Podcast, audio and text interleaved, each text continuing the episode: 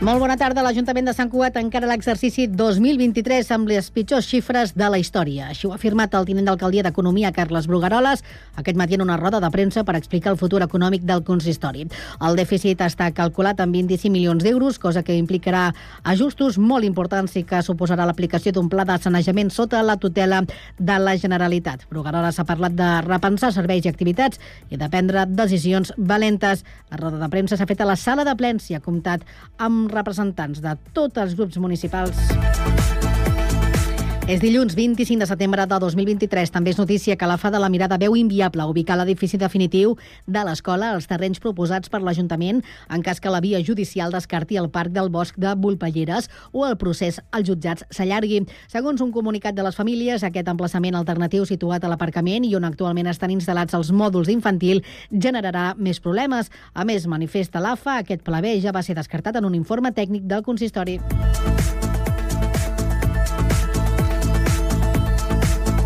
Valldoreix tindrà aviat més punts d'il·luminació LED. Seran amb 934 nous fanals, la instal·lació dels quals ha arrencat aquesta setmana per substituir les bombetes de vapor de sodi. Es tracta d'una intervenció que té un pressupost de prop de 275.000 euros i que executa l'empresa ETRA a través de la central de compres de l'ACM. L'EMD confia que amb aquest canvi es produeixi un estalvi d'entre el 60 i el 70% en la factura de la llum.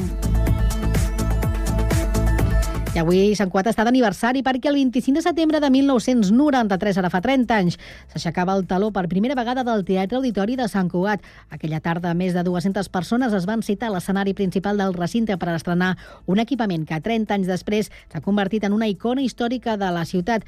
Aquest dilluns el Teatre Auditori fa anys, doncs, i per celebrar-ho Cugat Media ha organitzat una tertúlia especial amb personalitats històriques del passat, present i futur del que és des de fa dècades un dels epicentres culturals de Sant Cugat amb una història que ja els té, ja és als llibres, però també amb molts reptes de futur que per potenciar sobretot el talent emergent local.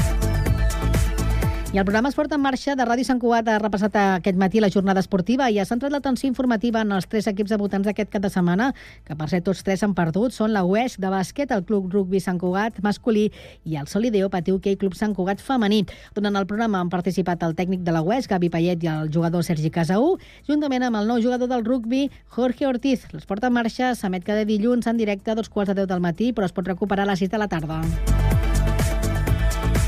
Cugat Mèdia, la informació de referència a Sant Cugat.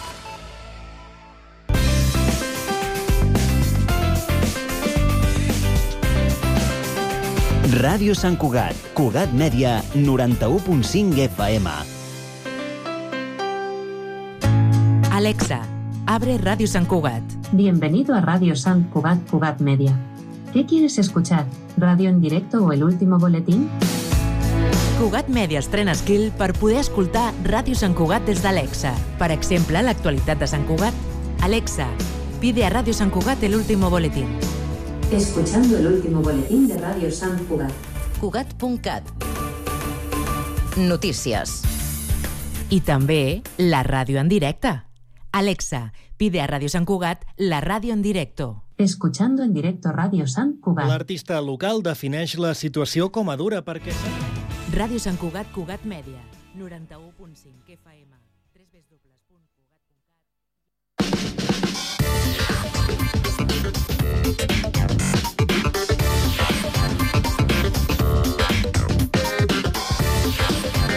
Cinc de la tarda, 4 minuts, reprenem el Connectats amb l'inici de la segona i última hora.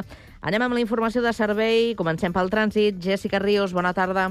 Bona tarda. Doncs ara mateix ens trobem amb circulació amb retencions a la B23 en el tram entre Sant Feliu de Llobregat i Molins de Rei en direcció cap a Barcelona. I això és tot segons informa el Servei Català de Trànsit. Doncs comprovem quina és la situació pel que fa al transport públic. Anem al Transmet. Àlex Cubells, bona tarda. Doncs a hores d'ara ja s'ha restablert la circulació a la línia 1 del metro de Barcelona després dels talls d'aquest matí. Tot i això, durant una estona l'interval entre trens pot ser superior a l'habitual. Per altra banda, es manté el servei alternatiu per carretera a la línia R8 de Rodalies entre Martorell i Castellbisbal i a la línia R4 entre la Granada i Vilafranca del Penedès per les obres de millora que realitza DIF. A la resta de l'àrea metropolitana parlem d'una jornada on no destaquem més alteracions significatives, així que de moment això és tot des del Transmet.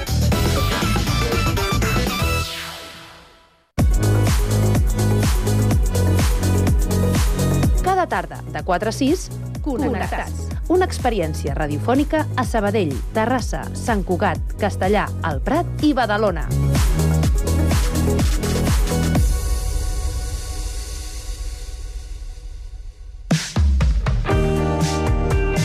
Veus locals.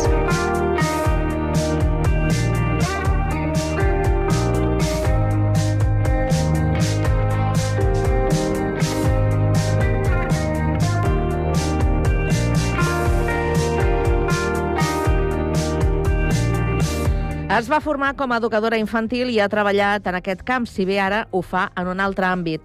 Recentment ha publicat el seu primer conte, que espera que sigui el primer de molts. Avui passa pel Connectats la terrassenca Raquel Muñoz. Raquel, bona tarda. Hola, bona tarda. També saludem el company Sergi Estapé. Bona tarda, Sergi. Hola, molt bona tarda. Bé, doncs avui eh, tornem a tenir una dona, una terrassenca, que en l'àmbit de, de l'educació, doncs eh, no sé exactament, Raquel, per què vas decidir formar-te en aquest àmbit i sobretot en aquest sector, amb els, eh, amb els més petits. Bueno, sempre des de petita havia sigut una bueno, vocació que tenia i ja els meus cosins de petits ja els posava a fer classes des de ben petitons i bueno, sempre ho havia tingut molt clar que si estudiava seria educació infantil perquè sempre m'han agradat els més petitons. Mm -hmm. Et vas especialitzar precisament en llars d'infant? Sí, en llars d'infants, fins a P2. Quants anys t'hi has dedicat a, a, a aquesta tasca? Aquesta tasca uns 5 o 6 anys he estat dedicada exclusivament. He anat fent altres coses sobre l'educació, també he estat fent animacions infantils, sempre he estat molt relacionada amb tot l'àmbit infantil, però el que és a classe he estat 5 anys. I ara des de fa 3 anys que vaig decidir pues, fer un peron i dedicar-me a l'altre sector que també he estat tocant molts anys. I ho vas decidir tu? No, per algun motiu concret? Bueno, perquè vaig eh, l'última feina vaig acabar abans de tenir la meva filla i quan vaig tenir la meva filla ja tenia la meva nena a casa i no tenia no em sentia bé si deixava la meva filla al col·le per anar a cuidar altres nens i vaig decidir tornar a l'altre sector, on havia estat sempre treballant també, molts anys abans de treure'm l'educació infantil. Quin és aquest sector? A la banca. A la banca? Quin canvi, sí, no? Sí, perquè també tinc una, un grau superior relacionat amb aquests temes i també és una cosa que m'agrada molt i, bueno, i m'ho puc compaginar molt bé amb ser mare i la veritat que em va molt bé. Res a veure, res a veure. Res a veure, no, no té res a veure, però bueno, sempre és el tracte amb els altres. Al final és un tracte directe amb la gent que m'agrada i bueno, en aquest cas pues, hem canviat els adults en comptes dels nens. Mm. Hola Raquel, què tal? Hola, bones. Què tal? Escolta'm una cosa. Eh, acabes, bueno, com, com dèiem, el, deia la Carme al principi, has, has publicat el teu primer conte. Què, què et va o sigui, clar, això d'escriure, doncs, normalment és, agrada de sempre o, o, o almenys a tothom li agrada, els que escriuen ho fan de sempre. Tu ja havies escrit sempre o ha sigut el, la primera, diríem, la primera relació que has tingut amb el, amb el tema d'escriure? Sempre he estat escrivint contes infantils des de molt petita i em cridava l'atenció i els feia a casa jo, els dibuixava, m'inventava moltes històries, sempre he sigut inventar-me moltes històries i m'ha agradat aquest tema. Aleshores, el que et conta sí que és veritat que el tinc escrit des de fa més de 3 anys i no em vaig decidir a publicar-lo fins fa un any o així, que vaig decidir enviar-lo a les editorials per veure si hi havia sort. Però és una que m'ha agradat sempre a, a l'escriure històries. Mm -hmm. I, bueno, el, el conte es titula La pintora d'emocions. Explica'ns una mica de què va, no? Sí, pues la pintora d'emocions es diu Duty i és una pintora que viu en un país totalment inventat i aquesta història va sobre ella, sobre que ho pinta tot, ho pinta de diferents colors, canvia el cel de color, el terra, qualsevol cosa la canvia de color. I un dia arriba la, la Pol, que està trista perquè no li agrada el color del que és i vol canviar de color. I aleshores la, la pintora d'emocions li explica que durant els següents dies anirà canviant de color, però que ha de tenir en compte que cadascun dels colors que anirà passant viurà una emoció diferent. Aleshores, durant tres dies va canviant de colors i el que experimenta, que he volgut treballar, sobretot en aquesta història, són les emocions més dolentes, per dir-ho d'alguna forma. I aleshores passa un dia per la ràbia, per la tristesa i per la por. aleshores ja arriba un dia que ja no vol seguir així perquè està molt marejada ja de tantes emocions que ha sentit i demana a la, a la pintora que la torni del seu color, que ja li sembla bé un altre cop tornar a ser del mateix color que era abans. I es tracta d'una història al final a, bueno, amb un significat final de que al final som qui som gràcies a totes les emocions que vivim, tant les bones com les dolentes, i que de totes aprenem i de totes ens serveixen per alguna cosa. Mm -hmm. uh, tu ho, que, que consideres que no ens ensenyen aquestes emocions dolentes, no? O, o que sembla que, que estem obligats a, a, a sentir les bones i, i les dolentes també ens poden ajudar, no? Exacte. Crec que la nostra generació, que els que ja som adults, els nostres pares, lògicament, no han tingut tota la informació que tenim ara, a dia d'avui, i, bueno, se'ns ha majoritàriament se'ns ha tapat molt el fet de no ploris, eh, no et sentis trist, has d'estar content. Aleshores, això ens ha fet que mascarem aquestes emocions, de que et sentis malament per estar trist un dia, o et sentis malament per estar enfadat un dia perquè t'ha passat alguna cosa injusta. Aleshores, al final jo crec que és important, imprescindible, treballar això amb els nens dia a dia i que vegin que si estan tristos un dia no passa res és totalment normal i poden estar tristos i sentir-se tristos, que el dia següent segur que serà un dia millor i si continuem estant tristos doncs no passa res.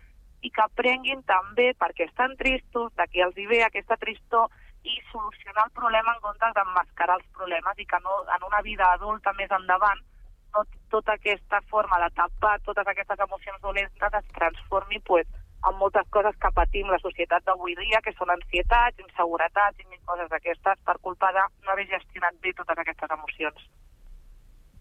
Aquesta seria, Raquel, la, la, el, que, bueno, que en diuen en castellà la moraleja, la, la moralitat de la teva història, més o menys? Sí, aquesta és la moralitat, que al final, si aconsegueixes treballar totes aquestes emocions, et transformes uh, uh, i jo crec que és tot positiu. Per molt que hagis viscut les negatives, si les has sapigut gestionar i les has treballat bé, al final totes elles, les dolentes i les bones, acaben formant-te tu com a persona i acabes desenvolupant-te i, i sent tu mateix com a persona. Al final totes et complementen. D'una manera o altra, tot lo bo i tot lo dolent et complementa. I et fa ser pues, mm -hmm. la persona que ets avui dia. Ah, escolta una cosa, en aquest, la pintora d'emocions també has fet les il·lustracions. També també t'agrada dibuixar?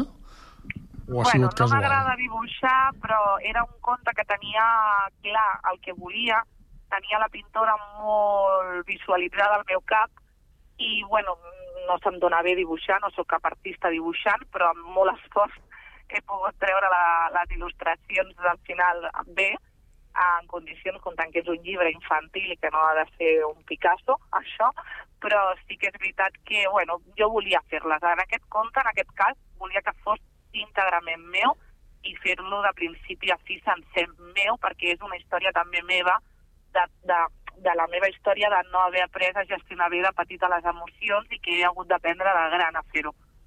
Saps? I aleshores, és, com és meva la història, volia que fos tot meu, tant el, el conte com les il·lustracions. I ara ja que, que has publicat el primer, ja ens embalem, tenim algun conte en perspectiva, com, com, est, com ho tens? Tinc un altre que m'agrada molt, que el tinc escrit i bueno, ja l'editorial m'ha dit que me'l publica també, però vull esperar-me, vull esperar-me perquè aquest el van treure al juny i vull donar-li una miqueta de temps, un anyet i mig o dos anyets per donar-lo a, donar a conèixer i poder-lo promocionar bé amb els contacontes que estic fent, amb la venda que també hi ha venda online a les llibreries i vull donar-li una miqueta de marge per, perquè tiri i funcioni ell. I aquest seguirà la mateixa línia, buscant sí. fer alguna reflexió, en aquest cas suposo diferent, o no? Sí. L'altra, que la història que tinc explicada també és amb una moraleja, és amb la cooperació i amb el que també, que al final la, les persones necessitem ajuda moltes vegades i que no està malament demanar ajuda i que al final si, si tens gent al voltant que et pot donar un cop de mà, també bueno, que també et pot completar com a persona i ajudar-te a arribar als teus objectius que a vegades ens costa i ens han d'obrir una mica els ulls i ajudar-nos i donar-nos una empenta per aconseguir-los. Aquí ja no faràs les il·lustracions, no? No, aquí no faré les il·lustracions perquè aquesta història que vull explicar la tinc explicada amb una altra educadora infantil que és una molt bona il·lustradora i li deixo la seva mà perquè faci ella que dibuixa esplèndidament bé. Molt bé. Escolta'm una cosa, a fora de, de, de, de, la, de la feina, dels contes i tot, eh, m'han dit que t'agrada molt veure les sèries de, de televisió, és veritat? Sí, m'encanta. Soc molt forofa de les sèries, cada dia veig, veig sèries. L'estoneta que em queda a la nit eh, s'agrada per veure una horeta d'alguna sèrie. I què veiem? De tot? Bueno, una mica m'agraden molt les històriques, sobretot són les que més m'agraden. M'encanten. El nom de la meva filla, que es diu Brianna, el vaig treure de la meva sèrie favorita, que és Outlander.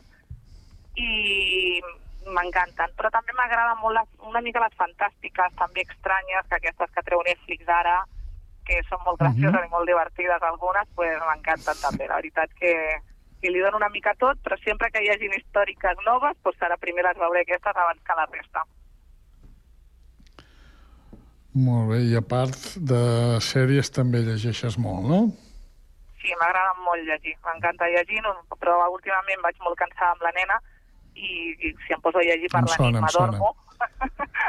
Aleshores, això, he hagut de deixar aquest plan que a vegades abans de la nit era llibres en comptes de sèries i ara són sèries però sí que quan tinc temps i per als caps de setmana o vacances, aquest, aquestes vacances m'he llegit tres llibres perquè he tingut temps i, i m'encanta seure i ficar-me en la història, imaginar-me tota aquella història. M'agrada molt llegir, la veritat que sí. Sembla, Raquel, que t'agrada la lectura, les sèries, però hi ha una cosa que no és que t'agradi, és que t'apassiona, que és Astúries. Què té Astúries que t'agrada tant? pues no sé, la veritat, sempre he anat des de molt jove i és una terra que, que m'encanta. No sé si és perquè s'ajunta el mar amb la muntanya i són dues coses que m'encanten, i estàs allà a la platja i estàs veient a les vaques pasturar al teu costat, mm. però és una terra que em sento a casa, em sento que, que estic a gust i, i, i en pau. Em dona molta pau i molta tranquil·litat. I la, coneix, I... la coneixes a fons? La conec bastant bé, sí. Cada any anem, intento visitar coses noves, sempre anem al mateix lloc perquè m'encanta aquell puesto i sempre anem al mateix lloc, però intentem anar fent moltes visites i anar, i anar fent rutes per allà i un tros a Cantàbria també, que Cantàbria és preciós, mm. però sí, intento anar cada any, dues setmanetes, si podem, cada any anem allà a, a, a desconnectar. I tinc la gran sort que el meu marit li encanta igual que a mi, no hi ha discussions a l'estiu perquè els dos volem anar de cap allà. Molt bé. Doncs per acabar, t'hem demanat una cançó. Digue'ns quina has escollit i per quin motiu. He escollit la de Dos Oruguites, que és la del Sebastián Yatra, que és de la, de la pel·lícula d'Encanto. Mm. M'encanta perquè, a part, la trobo que té moltíssima relació amb la, amb la història. He volgut també escollir una cançó que estigui relacionada amb el conte i al final és la història, la moraleja final d'aquest conte és aquesta cançó. Doncs la compartirem amb tots els connectats aquesta tarda. Una abraçada, que et vagi molt bé, molts èxits amb, aquest, amb aquesta nova faceta. Moltíssimes gràcies. Gràcies i bona adeu. tarda, Raquel. Adéu, bona Sergi. Tarda, adéu. adéu, bona tarda. Que cambia y sigue cambiando, navegando un mundo que cambia y sigue cambiando. Dos oruquitas paran el viento mientras se abrazan con sentimiento, siguen creciendo buscar algún rincón. El tiempo sigue cambiando, inseparables son. Y el tiempo sigue cambiando. Hay oruguitas, no se aguante más. Hay que crecer, aparte y volver. Hacia adelante seguirás, vienen milagros, vienen crisálidas. Hay que partir y construir su propio futuro.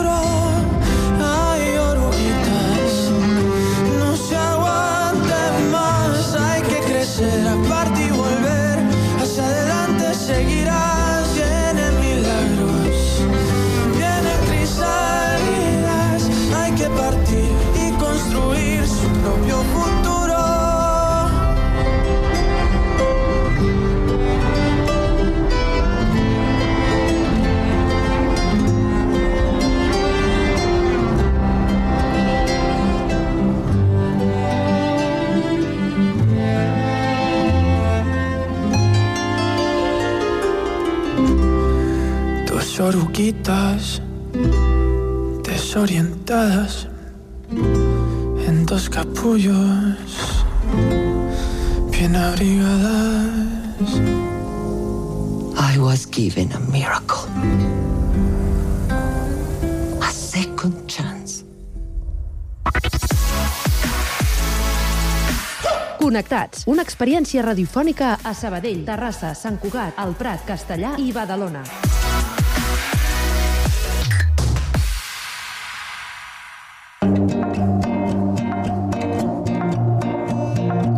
Bocabadats. Aquest podcast és una producció de Ràdio Ciutat de Badalona.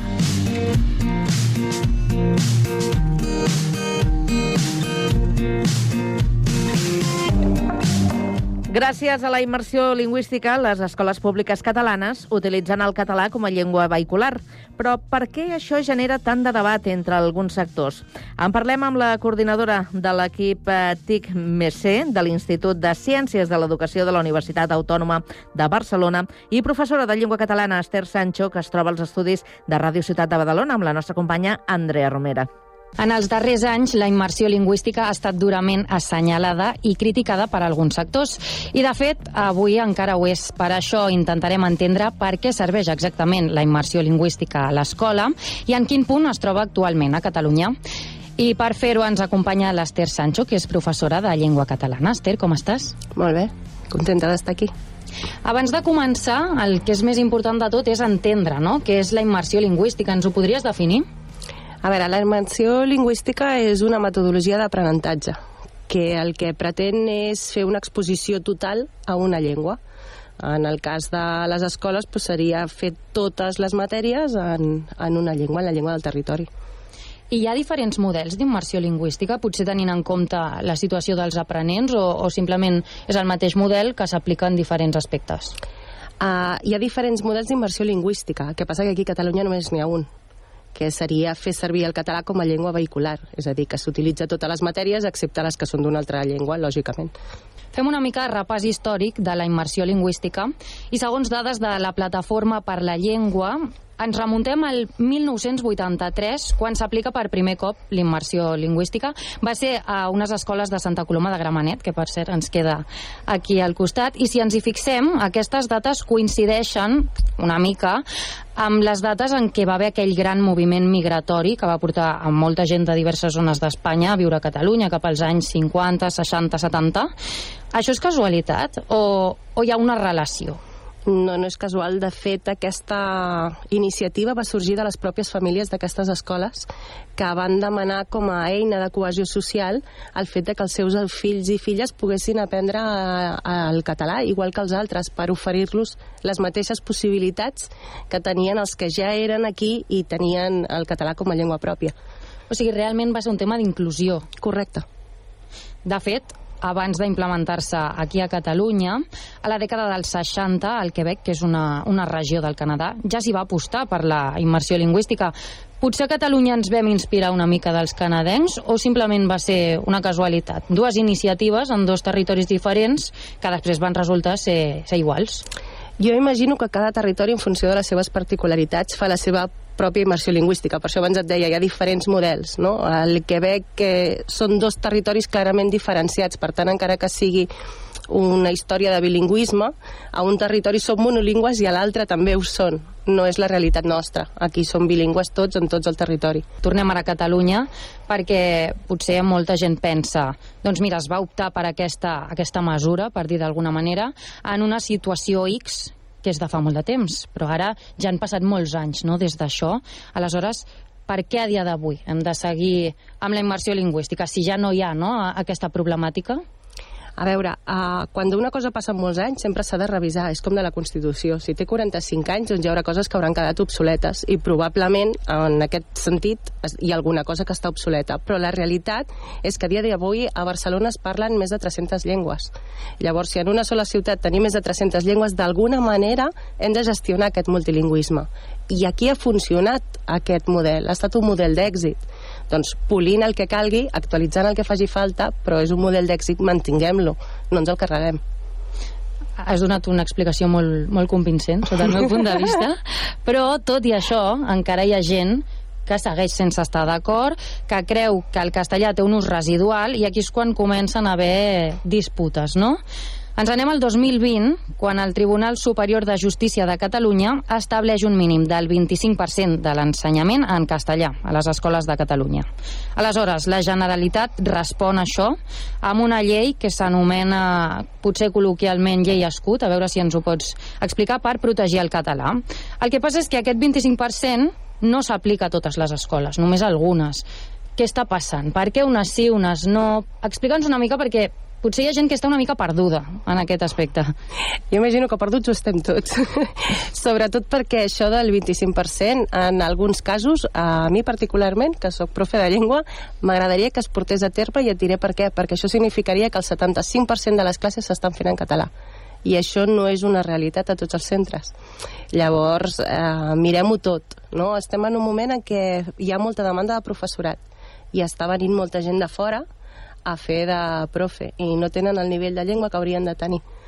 I això fa que es, uh, no s'estigui complint el que sí que es complia fa uns anys i que tu passegis per passadissos dels instituts i sentis com s'està fent diferents matèries en castellà, perquè ha vingut algú doncs, de, de fora, d'Alacant, de, de València, d'on sigui, que benvinguts, però en aquí hi ha una llei que s'hauria de complir i ara mateix no s'està complint. Per tant, quan reivindiquen tant aquest 25%, haurien de conèixer la realitat de les aules, que en molts casos és tota una altra però quan surt per les notícies, per exemple, a aquesta escola de, posem un exemple que m'estic inventant, de Vilassar de Mar, eh, a partir d'ara haurà de fer el 25% de les classes en castellà. Per què és? Perquè una família ha denunciat, perquè s'ha creat un moviment estudiantil a l'escola... Per què passa això? Normalment passa perquè hi ha una denúncia al darrere d'alguna família fonamentada en coses que no, no sabria dir-te. És a dir, crec que s'hauria d'estudiar cas per cas. Sí? En alguns casos ho hem sentit a les notícies, jo mateixa, de un nen no el deixen anar al lavabo perquè ha demanat per anar al lavabo en castellà. Uh, M'agradaria veure per un foradet quan ha passat això i com ha passat això i de què estem parlant. Llavors, no m'agrada generalitzar, no sé què passa a cadascun dels instituts i si ha sigut cosa de les famílies o què, però el que està sortint als mitjans és això, que són les famílies, algunes, que han fet aquesta denúncia i que a través d'això s'ha aplicat en diferents centres. Estem, com comentes, en una situació una mica convulsa, no sabem molt bé el que passa, i davant d'aquesta situació alguns partits polítics, com per exemple Vox, eh, es queixen, no? I Vox va presentar un recurs contra aquesta llei escut perquè no es pugui sortejar el 25% del castellà a les escoles, perquè, com deien, algunes sí que s'aplica, d'altres no. Escoltem unes declaracions de Santiago Abascal, el líder de Vox. Presentamos el recurso número 40 de Vox, del grupo parlamentario de Vox, ante el Tribunal Constitucional, en lo que yo creo que ya es una clarísima muestra de que Vox se ha erigido en el verdadero defensor de los derechos constitucionales y de los derechos de los ciudadanos españoles. El Tribunal Constitucional desestima aquest recurs cosa que ens situa en la mateixa situació convulsa de que no sabem què està passant, però què passaria si s'acabés implantant aquest 25%? Abans comentaves que això seria positiu, entre moltes cometes, perquè voldria dir que la resta d'assignatures sí que serien en català, però també seria un atac directe a la immersió lingüística. Aleshores, quines conseqüències portaria aquest atac per l'educació de Catalunya? Els atacs que està fent aquest partit a, a la llengua són constants. S'ha aprovat que es pot parlar el català al, al Congrés dels, dels diputats, s'han aixecat i s'han anat. Llavors, mm, no sé si com a anècdota, però mm, que la llengua els hagi fet fora del Congrés em sembla molt bonic, molt poètic tot plegat. De fet, en la mateixa línia de Vox s'han fet diverses manifestacions a favor del castellà com a llengua vehicular una d'elles, al setembre de 2022, on Cuca Gamarra, secretària general del PP, fa aquestes declaracions. Denunciamos la persecución, denunciamos la estigmatización, denunciamos cómo la Generalitat está llevando a cabo un pisoteo de los derechos fundamentales y los derechos lingüísticos que tienen los catalanes. Cuca Gamarra parla d'estigmatització i persecució però segons el que hem estat comentant fins ara, aquests no són cap ni un dels objectius de la immersió lingüística. No, a més a més no es pot parlar de persecució d'una llengua quan estàs parlant de la llengua majoritària del territori. És a dir, en el cas del català, el català és una llengua minoritza, minoritzada que no minoritària, que no sé si això està clar. Sí, minoritzada vol dir que n'hi ha una altra que és la que té més nombre de parlants, que és la que fa la força, perquè ens entenguem. Sí? Minoritària vol dir que té pocs parlants. En el cas del català, pocs o molts parlants dependrà d'amb què ho comparis. Sí, jo, per exemple, eh, estic tipa de mirar algun servidor d'aquests en streaming, digue-li el nom que vulguis, i busques els subtítols, i hi ha subtítols en suomi, que és la llengua del, dels finlandesos, que són la meitat de parlants que té el català. És a dir, si nosaltres som uns 10 parlants, ells són uns 5 milions. Per tant, si s'ha traduït el suomi, per què no s'ha traduït al català? Sí? Doncs perquè és una llengua que està en una situació de bilingüisme on hi ha un castellà que és molt més potent per nombre de parlants i això fa que, com que nosaltres ja sabem el castellà, amb els subtítols del castellà ja fem i no hi veuen la necessitat de traduir-ho. Per tant, no poden parlar de persecució d'una llengua quan ells són la llengua gran, perquè ens entenguem. Ara que has fet aquesta comparativa amb altres països, com és el cas de Finlàndia, m'agradaria parlar sobre si la immersió lingüística està igual d'estigmatitzada en altres països. Hem comentat que també s'aplica a Canadà, també a Bèlgica, en algunes regions on conviu el francès i el neerlandès. Saps si està igual d'estigmatitzada com aquí? Mira, la llengua és cultura, o jo ho entenc així. El que passa que no tothom ho entén de la mateixa manera. S'està intentant que es pugui fer servir a Europa i aquests mateixos països on estan en una situació similar a la nostra a vegades són els que són reticents a que s'implantin noves llengües, no? Llavors imagino que deu ser una qüestió de prioritats. Ara mateix vivim en una societat on crec que la cultura no és prioritària i això és un problema a nivell social però potser això seria un altre debat i un altre programa. M'agradaria parlar d'una cosa que no hem parlat fins ara. Hem dit que ets professora de llengua catalana i com s'ha viscut això als instituts? Aquest ara sí, ara no, ara no sabem què passarà. Veiem com un institut eh, és denunciat, a veure si ens denuncien a nosaltres també. Com es viu des del claustre? Des del claustre hi ha diferents opcions perquè hi ha de tots colors, igual que amb els partits polítics, imagino. Llavors hi ha des de qui se sent empoderat per fer les seves classes en castellà perquè està defensant aquest 25% del que parlàvem abans i des del que té por de fer segons quina intervenció perquè a veure si ara això que digui arribarà a casa i com ho entendran els pares perquè jo ho he dit d'una manera però el nen ho rep d'una altra i ho explica d'una altra sí? i llavors poden venir les famílies a buscar-te les, les pessigolles. La veritat és que ha creat una mala maror que jo no havia viscut fa molts anys, que sóc profe i ja començo a tenir una edat, i aquest debat lingüístic ara mateix és com si hi hagués una por a fer coses i podem fer això en castellà doncs clar, és la teva matèria com no ho has de... saps? O sigui, estem creant un, una mala maró és que no sé dir-ho d'una altra manera que no existia i un conflicte i una guerra entre llengües que no té sentit les llengües sumen la llengua és cultura. I si en lloc de saber-ne dues en sabéssim tres, millor. I si en lloc de tres fossin quatre, millor. Jo, és com jo ho entenc, eh? A partir d'aquí. I entre l'alumnat, has notat algun canvi en l'ús del català? Abans comentaves que entre el professorat sí que es nota, no?, que cada cop hi ha més professors que imparteixen matèries en castellà, i entre l'alumnat també hi ha cada cop més alumnes que es relacionen entre si en castellà? Sí, i jo crec que això és conseqüència de que l'oci el tenim en castellà. Si ells van al cinema, la majoria de pel·lícules estan doblades en castellà. Si juguen a la Play, i hi ha molts jocs d'aquests de roleplay, en el que sigui, el, tot el text que estan llegint és en castellà, i juguen entre ells i juguen en castellà. Tot, tot el seu oci està en castellà. Llavors, és com si no trobessin la utilitat per fer servir la llengua. Si fem una mica de predicció de futur, quin creus que serà el futur de la immersió lingüística a Catalunya? Creus que acabarem cedint al 25%? Creus que ens mantindrem tal com estem? A veure, com t'ho dic, això a mi m'agrada ser positiva, però crec que les coses que estem aconseguint les estem aconseguint per interessos. S'ha pogut parlar el català al Congrés perquè hi ha una investidura de per mig i aquí hi ha hagut unes negociacions que han fet possible arribar a aquest acord crec que serà difícil, val? però m'agradaria pensar que és una llengua viva, que és una llengua d'ús per moltes persones, que hi ha moltes persones que se l'estimen perquè és la seva i això és una cosa natural que no podem evitar, cadascú s'estima la seva llengua i per tant vull pensar que sortirem endavant, sigui quin sigui el tant per cent que es parli a les aules segons la llei. Doncs Esther, moltes gràcies per acompanyar-nos. Segur que ha quedat una mica més clar almenys què és la immersió lingüística i en quina situació es troba ara mateix i esperem que li esperi una llarga vida a, a Catalunya. Moltes Moltes sí, perquè gràcies. si no se m'acaba la feina. gràcies a vosaltres.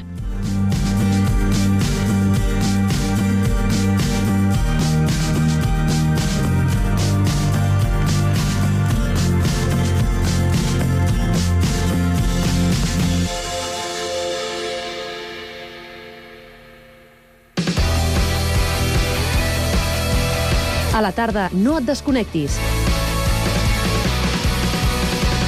Connectats.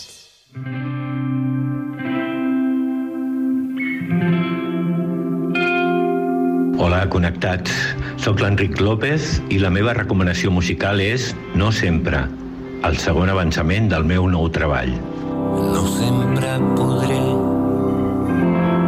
no sempre faré que tant t'agrada. No sempre riuré, no sempre sabré allò que tant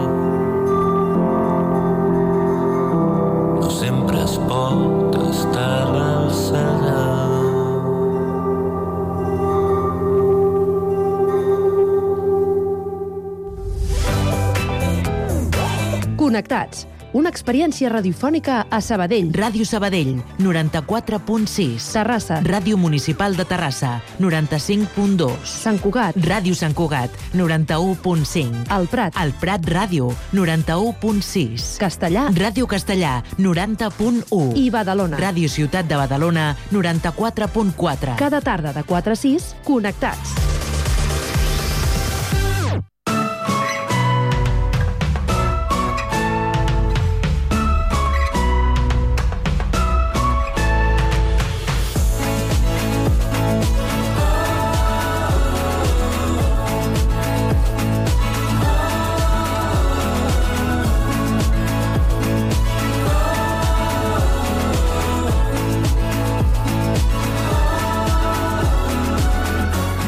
I com sabeu, l'última secció del Connectats la dediquem sempre al món de la cultura. Avui per eh, fer eh, memòria i explicar-vos que la nit del 25 al 26 de setembre del 1962 es van produir unes inundacions excepcionals que van provocar una veritable tragèdia humana al Vallès.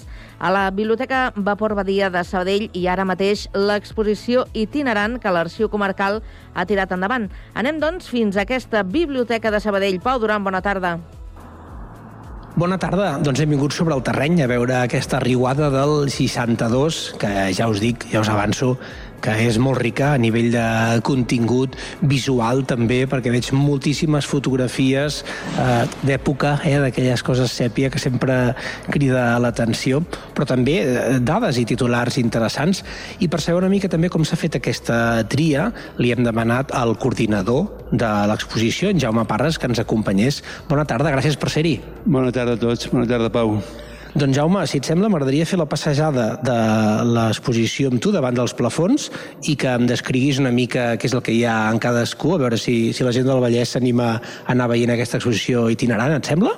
Perfecte, perfecte. Doncs vinga, va, som al punt d'entrada, on ja veiem una de les fotografies més impactants, que és aquesta gent que precisament... Això, o és Sabadell? Això és Sabadell, sí. Oi? Aquestes persones que porten matalassos de fer de sobre, marxant. Eh, marxen amb el que porten, el que han pogut recollir per tal de salar de les inundacions enmig del fang i per tant marxen de casa seva. És una, una imatge d'unes dones, uns homes que marxen de les seves llars que han quedat absolutament destrossades però que han pogut recuperar una mica de roba i una mica i uns matalassos. Veig que aquí han col·laborat la majoria d'arxius municipals que tenien fotografies de la comarca, eh? Sí, a veure, aquest és un projecte de l'arxiu comarcal, del Consell Comarcal de Vallès Occidental, per tal de posar en valor el que era un, un fet que va tenir un impacte eh, absolutament comarcal. Més enllà de la magnitud d'un o un altre municipi, va tenir una dimensió absolutament comarcal i, per tant, això era un element que volíem posar en valor per tal de donar cohesió al treball de les, dels arxius com dels diferents municipis del Vallès i donar-li importància a aquesta dimensió mm, que pensàvem que no, no s'havia posat en valor fins ara. Fins ara s'havien fet molts treballs molt bons respecte a l'arribada del 62, però sempre havien estat d'àmbit eh, estrictament local i per tant volíem lligar-ho i volíem donar-li aquesta dimensió comarcal. De fet, una manera de veure aquesta transcendència és fixar-nos amb el primer plafó, que són les portades de l'època de les eh, publicacions que tenien tirada gran. Sí, una de les coses importants d'aquella catàstrofe és la dimensió que va tenir amb la premsa, amb la premsa escrita de l'època i també amb, la, amb els nodos i també amb eh, el ressò que va tenir en la televisió de, de, de, incipient aleshores de l'estat espanyol i d'arreu d'Europa. Eh, veiem portades de la Gaceta Il·lustrada, de l'actualitat espanyola, el diari de Barcelona, el Noticiero, tots, tots, excepte, ja diré al final, que alguna revista com Serra d'Or posaven l'èmfasi en la magnitud de la catàstrofe. Es tractava d'una catàstrofe i absolutament inevitable, caiguda del cel, i per tant totes les revistes posaven la seva atenció, el focus d'atenció, en la dimensió humana, amb, la, amb el patiment de la gent, sense buscar les causes ni les responsabilitats sense buscar les causes ni les responsabilitats i, per tant, sense posar mitjans per tal que no tornés a succeir. Es posava l'accent, això, amb la dimensió humana, en alguns casos amb un relat novel·lat, en uns altres casos amb un relat literari molt, molt, molt colpidor, però en cap cas, excepte, ja dic, Serra d'Or i, el, i algun altre setmanari de l'època, van buscar ni les causes ni les responsabilitats. En el segon plafó doneu unes dades. Sí, sí, perquè, a veure, es, es tracta de la catàstrofe més, de major magnitud aguda en, en la península espanyola, en la península ibèrica, des del segle XVIII.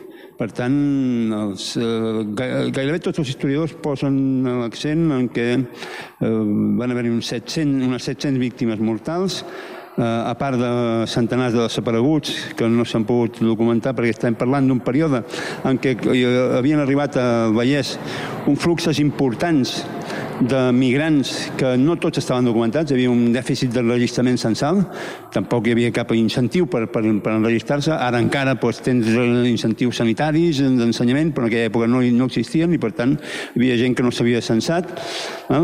però alhora també la magnitud de la desfeta material amb ponts, amb eh, indústries, va ser eh, d'una dimensió esferidora.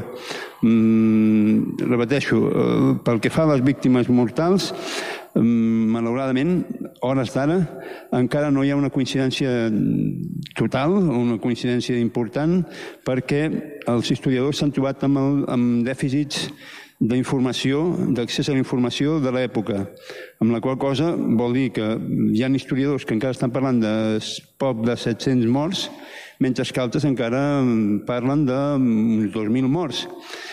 Aquesta diferència es deu precisament a la poca poca documentació que el, el, el règim de Franco en aquells moments va generar. El, la secció femenina, que va ser l'encarregada de documentar aquells fets, ho va tancar el mes de novembre, mm, deixant en l'aire eh, acabar de fer un estudi complet i exhaustiu. En alguns municipis aquest estu- estudi s'ha s'ha aconseguit finalitzar dècades després, com el cas de Rubí, i en altres, no, malauradament, no s'ha fet mai. En els següents plafons veiem que hi ha el, la constatació gràfica no? dels efectes de la riuada i també de les víctimes. Sí, eh, per un costat veiem la imatge que coincideix molt visualment de Terrassa, de Rubí, de Montcada, on les rieres i els rius es desborden i s'emporten per davant eh, barriades senceres, el cas de les Arenes a Terrassa, el cas de l'Escardíbol a Rubí o el cas de la zona afectada a Montcada i Reixac, on el, el riu Ripoll va, va inundar tota la llera. Val? En aquests casos veiem com barriades senceres han desaparegut de la nit al matí. El cas de les Arenes, el cas de l'Escardíbol, el cas del riu Sec, aquí al barri de, de los Rosales, a, a Sant Quirze. Val? Per què? Perquè en aquella època mm, mancaven plans d'urbanisme, el seguiment i l'exigència de rigor urbanista, urbanista no, no va estar a l'alçada i per tant es va deixar construir mm, eh, en llocs que no, no, eren, eh, no eren adequats, en llocs que hi havia un risc d'inundabilitat molt elevat i això va propiciar que quan la nit del 25 de setembre de 1962 els cabals d'aigua van ser mm, importants, però no majors que els que s'havien produït en altres moments, al trobar fàbriques, barris, cases, les aigües s'ho van emportar tot. Havien hagut altres riades al llarg del segle XIX i al llarg del, i al principi del segle XX importants de magnituds iguals o fins i tot superiors, però aquelles zones habitualment havien estat zones d'ors, zones d'ors a prop dels nuclis urbans que complementaven les collites i que complementaven la dieta dels, de la gent del Vallès. Quan arribava una arribada s'emportaven els horts, s'emportaven els tomàquets, s'emportaven les albergínies, però no havien víctimes mortals. Aquella vegada que havia canviat? La pluja va ser intensíssima. Estem parlant d'una orografia que baixa mm, acceleradament des del massís de Sant Llorenç del Munt, plena de torrents, plena de rieres. El cabal es va omplir, però ja havia passat. La diferència és que ara estava plena de fàbriques, plena de mm, barris de recent creació perquè els immigrants que es necessitaven ja durant la, la, dècada dels 50 necessitaven habitatges i per tant aquests habitatges no, eren, no, no existien en centre urbà i es van, es van centrifugar cap a les rodalies val? i l'existència d'aquestes barriades va ser el que va propiciar aquesta, la magnitud d'aquesta catàstrofe. I aquesta catàstrofe la veiem perfectament en les fotografies sobre les víctimes on podem veure no només moments de, dels enterraments i d'aquests recordatoris, sinó directament desenes de taüts. Sí, els, eh, ho dic aquí i ho, i ho he dit moltes vegades. Els taüts van ser omnipresents durant setmanes. Els taüts van ser els grans protagonistes d'aquells moments. Primer perquè calia mm, donar sepultura de la manera més digna als que havien perdut la vida i, a més, fer-ho de tal manera que les famílies poguessin eh, exercir el dol. Però després perquè també el règim va utilitzar aquesta catàstrofe com un element de propaganda del règim per tant de crear un consens econòmic que, permetés accelerar les transformacions que s'estaven produint després dels plans de, de desenvolupament, després del plan d'estabilització, per tal de deixar l'època autàrquica enrere. Si ens fixem en una imatge d'aquí, veiem perfectament com a Ripollet, però de manera similar van passar en altres llocs, els taüts surten del local de la falange perquè s'han vetllat allà. No surten de l'església, no surten de l'Ajuntament, surten del local de la falange perquè intencionadament s'havien vetllat per tal de que les organitzacions del règim poguessin enaltir, eh, poguessin fer un, de, de, de la catàstrofe i del patiment de la gent un, una eina de propaganda del règim. I ara el, recordo que abans ens parlaves de la secció femenina que s'havia encarregat d'aquestes dades i en els costos materials veig que són els que donen la xifra, que vull que me la diguis tu, d'habitatges destruïts i curiosament és la més baixa de les fonts que podríem trobar. Sí, sí, sí, sí. sí. A veure, est- estem parlant de que mm, el, eh, la secció femenina amb eh, Montserrat Tell al capdavant va ser l'encarregada pel règim. Dic, l'encarregada, malgrat que van haver tensions importants, recordem que el jefe provincial del movimiento era el, el governador civil, el senyor governador civil, que en aquell moment no estava a Barcelona perquè havia marxat a Madrid, i va haver-hi una tensió important entre el governador civil i jefe provincial del movimiento i la secció femenina que havia estat l'encarregada pel vicepresident del govern, el senyor el general Muñoz, per tal de fer aquesta, aquesta tasca. Um, van fer una tasca que van tancar el 12 de novembre i um, aquí vam, veiem que hi ha 563 habitatges completament destruïts i 763, mm, prop, entre 763 i uns 2.000 i escaig van patir greus danys que ho van fer eh, inevitable, eh, inevitables en les, en les setmanes següents i que van haver de necessitar de la construcció accelerada de grups mm, de cases, d'habitatges importants. Coses que no es va produir. A veure, eh, la, la necessitat d'habitatges va ser mm, documentada, va ser mm, anomenada, però la construcció efectiva es va demorar anys i anys. L'únic municipi que va haver-hi mm, una construcció d'habitatge dedicada a la gent que havia perdut els seus durant la riada va ser Rubí. En els altres es van aprofitar obres que ja estaven encetades val? o en, en alguns casos, com a Montcada, van trigar dècades en poder construir aquests habitatges. No només els habitatges, sinó que també podem veure algunes fotografies com queda la maquinària que d'alguna manera donarà feina a tota aquesta gent i que mm, tela també poder tornar a posar aquestes uh, màquines en solfa. Estem davant també d'un plafó, Jaume, que es diu la solidaritat mutilada. Bueno, eh, pensem eh, que eh, eh, ja deia que el, el dia de l'arribada, el dia 25, el governador civil, eh, el Vega, el senyor Vega, estava a Madrid, l'alcalde de Barcelona, el senyor José María Porcioles, també estava a Madrid. Per tant, l'estructura d'autoritat del règim va quedar mm, inexistent en aquell moment. De qual cosa, això va propiciar que eh, sorgís un esclat de voluntariat. Els cinc primers dies, el protagonisme de l'actuació solidària, l'actuació d'atenció a les víctimes de la va, va recaure en els voluntaris. Mm, gent de Càritas, gent de la Creu Roja, minyons escoltes, metges i infermeres voluntaris, obrers, sacerdots, es van volcar de manera voluntària en atendre les víctimes, donar-los aixopluc, donar-los roba, atendre els ferits. Val? Però això va ser molt mal vist, aquest esclat gairebé democràtic, perquè va ser eh, voluntari i fora dels canals del règim, va ser molt mal vist per les autoritats del règim que van intentar tallar-lo de socarrel.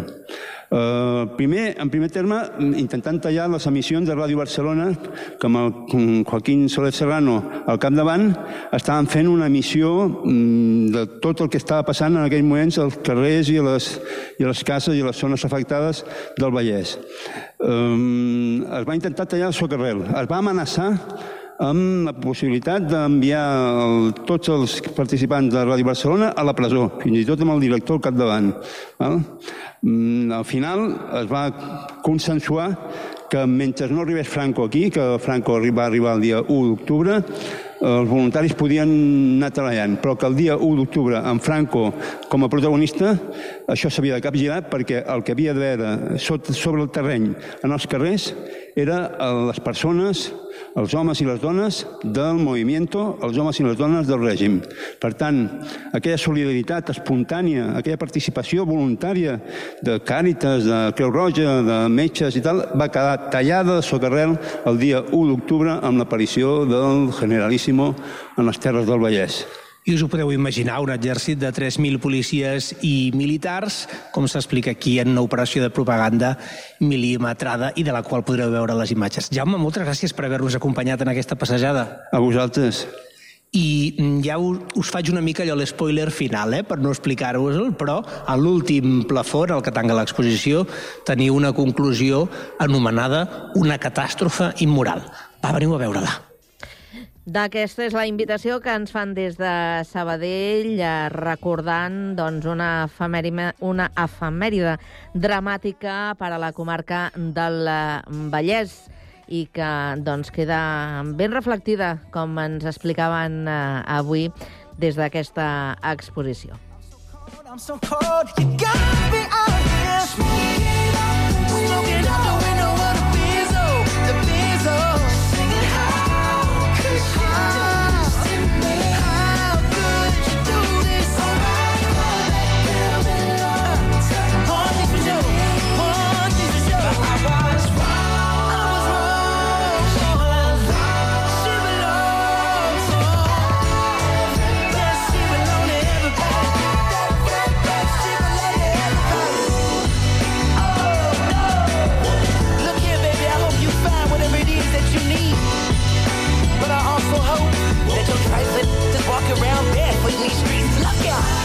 Doncs arribem al final del programa d'avui esperant doncs, que hagi estat del vostre gust i si voleu més, ja sabeu, a partir de les 4 i 4 minuts de demà, una nova edició del Connectats, edició de dimecres. Gràcies a tots, acaba de passar molt bona tarda.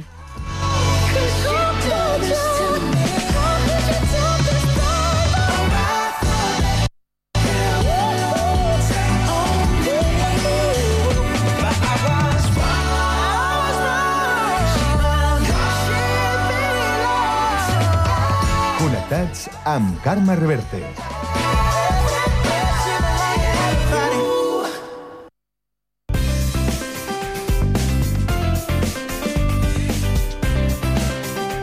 Ràdio Sant Cugat, Cugat Mèdia, 91.5 FM.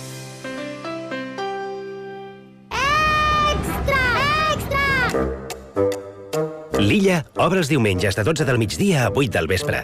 És el pla perfecte. Shopping, activitats per la família, gastronomia, premis amb les compres i una hora d'aparcament gratis. Gaudeix de diumenges diferents i divertits a l'Illa Diagonal. Em dic Laura Musull i sóc Data Scientist a Banc Sabadell. El que més m'agrada de treballar al banc és aprendre del meu dia a dia i de les persones de l'equip, expertes, creatives i no conformistes, a més de les oportunitats de créixer i desenvolupar-hi una carrera professional. Si ja tens experiència i busques un canvi laboral o estàs començant la teva carrera professional, no ho dubtis. Afegeix-te a un projecte en què podràs créixer, aprendre i sentir-t'hi a gust. Més informació sobre les nostres oportunitats professionals a sabadellcareers.com. Nosaltres. Nosaltres som feliços. Nosaltres som així.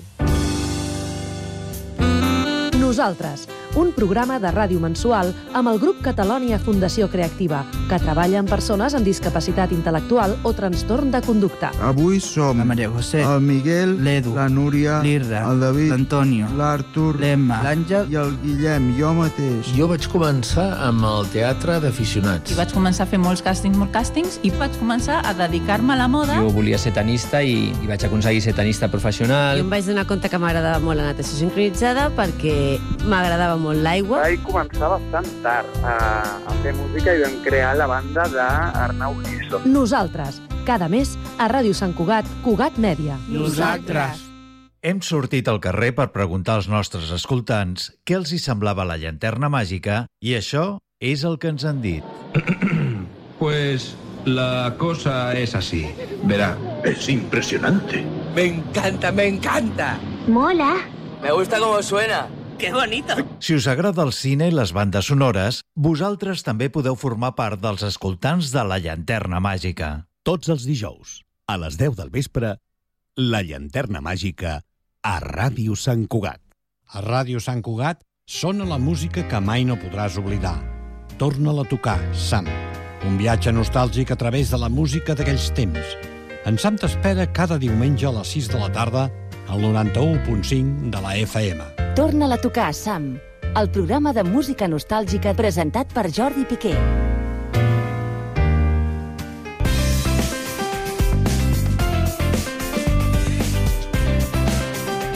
Ràdio Sant Cugat, Cugat Mèdia, 91.5 FM.